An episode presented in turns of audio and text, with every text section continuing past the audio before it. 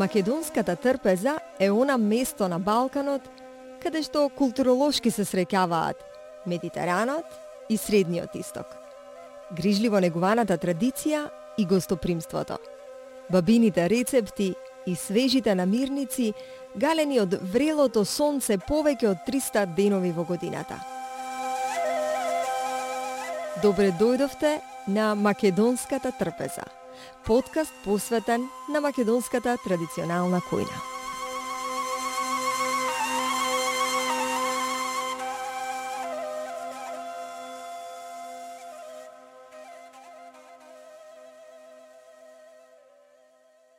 Гравот како оброк е буквата А во азбуката на македонската национална којна. Посен во петок, со ребра во зима, во комбинација со свежа салата или со туршија – придружен со сирење или маслинки. Едноставно, варијантите на ова економично, но нутритивно богато и здраво јадење е добар израз на народната креативност. Гравот што расте во Тетовско има толку добар глас, што представува бренд сам по себе. Дотолку, што се до 2006 година, кога стана производ со заштитено потекло од Македонија, и други екс-југословенски држави го експлоатираа добриот глас на тетовскиот граф. Зошто е ова растение толку посебно и драгоцено? И пошто се разликува од другите сорти во Македонија и надвор од неа? Ке чуеме од професорката по генетика и селекција на растенија на Факултетот за земјоделски науки и храна во Скопје, професор доктор Сонја Ивановска. Бидејќи го допревме прашањето за тетовскиот граф, за кој што изборувавме и предходно, само накратко, Што се карактеристиките, кои се карактеристиките на тетовскиот граф и пошто тој се разликува од другите типови граф во Македонија? Овој граф нас ни е многу добро познат по самата форма, нели? Тоа е има бубреговидна форма, по леснате, бидејќи има исто друг, други типови на граф кои имаат ваква форма, но се по овални, по валчести, буквално како во 3D бубрек да се гледа, а тетовскиот е малку посплеснат, покрупен и припаѓа во висок тип на граф. Она што го прави да биде толку специфичен е неговиот вкус. Тој има баш една свилено нежна текстура кога ќе се свари зрното, е многу многу нежно, многу меко убаво, а зрното не се распаѓа, туку останува цело бидејќи секогаш кај гравот еден од проблемите е тој што при варењето нели се раздвојува лушпата, излегува и зрното потоа може да се да се смачка. Во принцип, барем за тавче гравче, старите домакинки секогаш се трудат зрната да останат цели, да се видат убаво. И за еве салати, кога кај нас ние немаме навика за користење на гравот во салата, но на запад прилично често се користи таква исхрана и во тој случај зрната исто така треба да останат цели, да не се смачкани. Тој специфичен вкус и арома има онака баш еден нежен вкус како што потсека како на костен, доаѓа од најверојатно од составот на протеините. Кај нас, на пример, уште не е правена таква анализа, бидејќи имаме ние многу разновидни форми на град, типови на град. Сите тие си имаат ете некој специфичен вкус, не е направена анализа да се видат разликите во составот на протеините, на аминокиселините. Значи, не изборам за самиот процент колку гравот содржи протеини, туку за, за квалитетот на тие протеини кои што доаѓа од аминокиселините што се застапени во протеините. Веројатно, овој тип на граф ќе покаже некаква значајна разлика во тој поглед бидејќи баш има типичен а, убав вкус. Инаку тој е познат како таков, пак ќе речам покрупене, има се одлегува, да речеме посплеснат граф што е не до толку може би бубреговиден во многу делови од Македонија, кој исто така нормално е вкусен граф, но оваа бубреговидна форма и и големината на зрното се она што го прават тетовскиот граф Со тоа што секогаш големината на зрното, на пример, исто така зависи прилично и од условите на одгледувањето. Поточно најмногу од наводнувањето. Значи, ако вие го одгледувате гравот во релативно посушни услови, тој нема да има толку крупно зрно. Но сепак, меѓу од различни типови на грав, пак постои една разлика според крупноста на зрното. Ако гравот сам по себе има ситно зрно, колку сакате вие одгледувајте го во услови на наводнување, тој не може да достигне толкава големина на зрното, како што, на пример, ќе достигне тетовскиот град. Тој традиционално се одгледува во тетовскиот регион, во најголем дел според на класична метода на пченка. Значи, пченката се сади за потпора, игравот, теглото нели се умотува околу него, бидејќи така им е полесно на земјоделците да не ставаат е, прачки, стапови, туку едноставно истовремено ја прават сидбата да на пченката и на гравот, еден до друг се зрната, нели? И како поникнуваат, они сами си се умотуваат. А, кога се одгледува така, во здружен посек се нарекува тоа, а, секогаш приносот реално е понизок отколку кога би бил чист посев, значи без пченка, само град. Меѓутоа, ако тука е, си го пресметате плюс и приносот од пченката, е, аз повторно економски, нели, ви се исплатува, ви доаѓа исто, а всушност работата е помала. Така и тука повторно народната креативност со еден удар да да да се убиат две мои, да. да. Тоа е уствари еден стар метод а, кој што е поставен уште од индијанците. Има зошто уствари тоа така се сади, меѓутоа методот е познат како три сестри. И тука се заедно се садат гравот, пченката и тиквата. Значи, улогата на пченката е да биде подпора на гравот.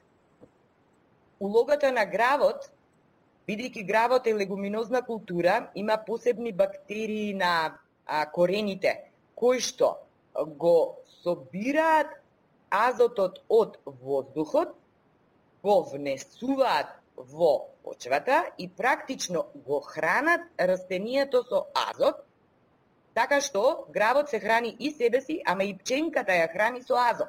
А на пченката и треба многу азот.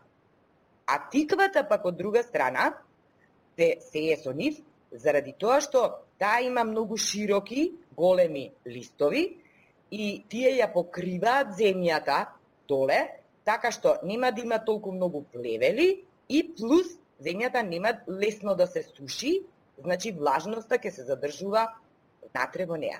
И за еден на друг си помагаат. И затоа овој метод е познат како три сестри, што од старо време од индијанците.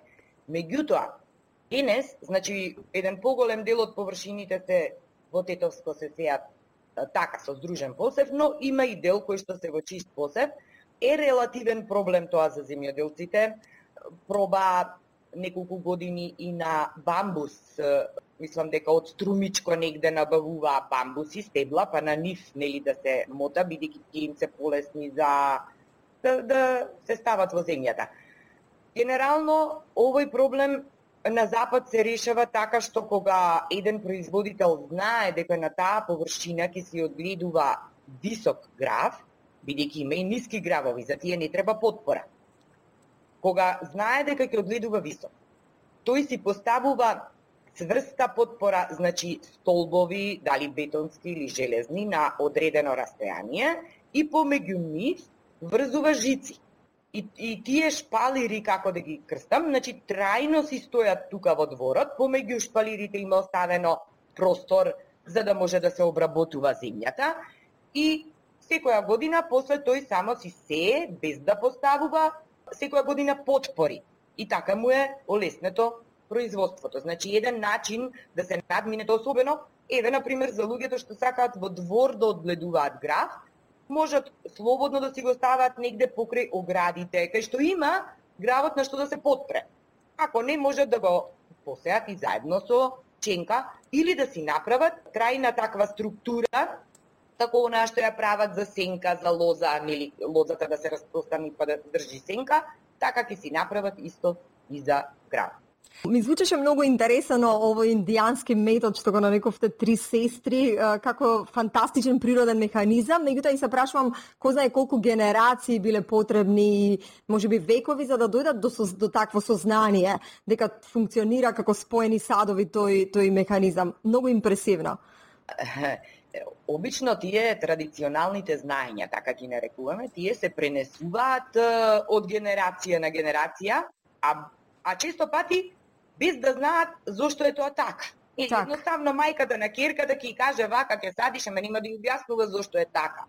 Или еве, со генерации уназад на пример сме знаеле дека гравот мора убаво да биде сварен за да го конзумираме, ама не сме знаеле зошто е така, бидејќи практично тој содржи антинутриенти кои се распаѓаат со варењето. И вие ако конзумирате сурово зрно или недоволно сварено, може да дојде до опасно труење. Е сега во овој случај тоа е познато, многу такви методи, значи во земјоделството се познати, но тие изгубија малку на значење а, кога а, во светот се веташе модерното земјоделство. Тогаш сегде се промовираше купувајте нови сорти, нели овие се високо приносни сорти и народот олека ги забораваше старите сорти, старите методи, се одеше на модернизација на земјоделството. Меѓутоа гледате сега како ние полека се враќаме назад. Целиот свет почнува да приминува мерки а, кои што а, ке не вратат кон она постаро одржливо земјоделство да го наречам, каде што ние нема да ја загадуваме почвата со пестициди, хербициди. Заедно со здраво и како си, синтагмата тавче-гравче е една од првите зборовни комбинации што стигнуваат до речникот на странците, кои дошле во контакт со македонската култура. И ретко кој од нив останал рамнодушен на вкусното јадење излезено од македонската кулинарска ризница. Па така, не е никакво изненадување што славното тавче гравче стигна и до страниците на балканскиот готвач Food Beyond Borders или Храна без граници. За подготовката се погрижи Оливера Бојчова, која денеска со нас ќе го сподели својот рецепт за слушателите на SBS на македонски. Тетовски графта, тој е најубав. Тетовскиот граф го варам, во првата вода одма ја фрла малку да прогрие. Так. Потоа го варам без ништо. Значи не ставам ни кромит, ни пиперки суви, ништо не ставам. Потоа, откако ќе биде готов, тој брзо се вари и го ставам во земја на тава. Предходно испржен два страка прас, значи треба за една тава.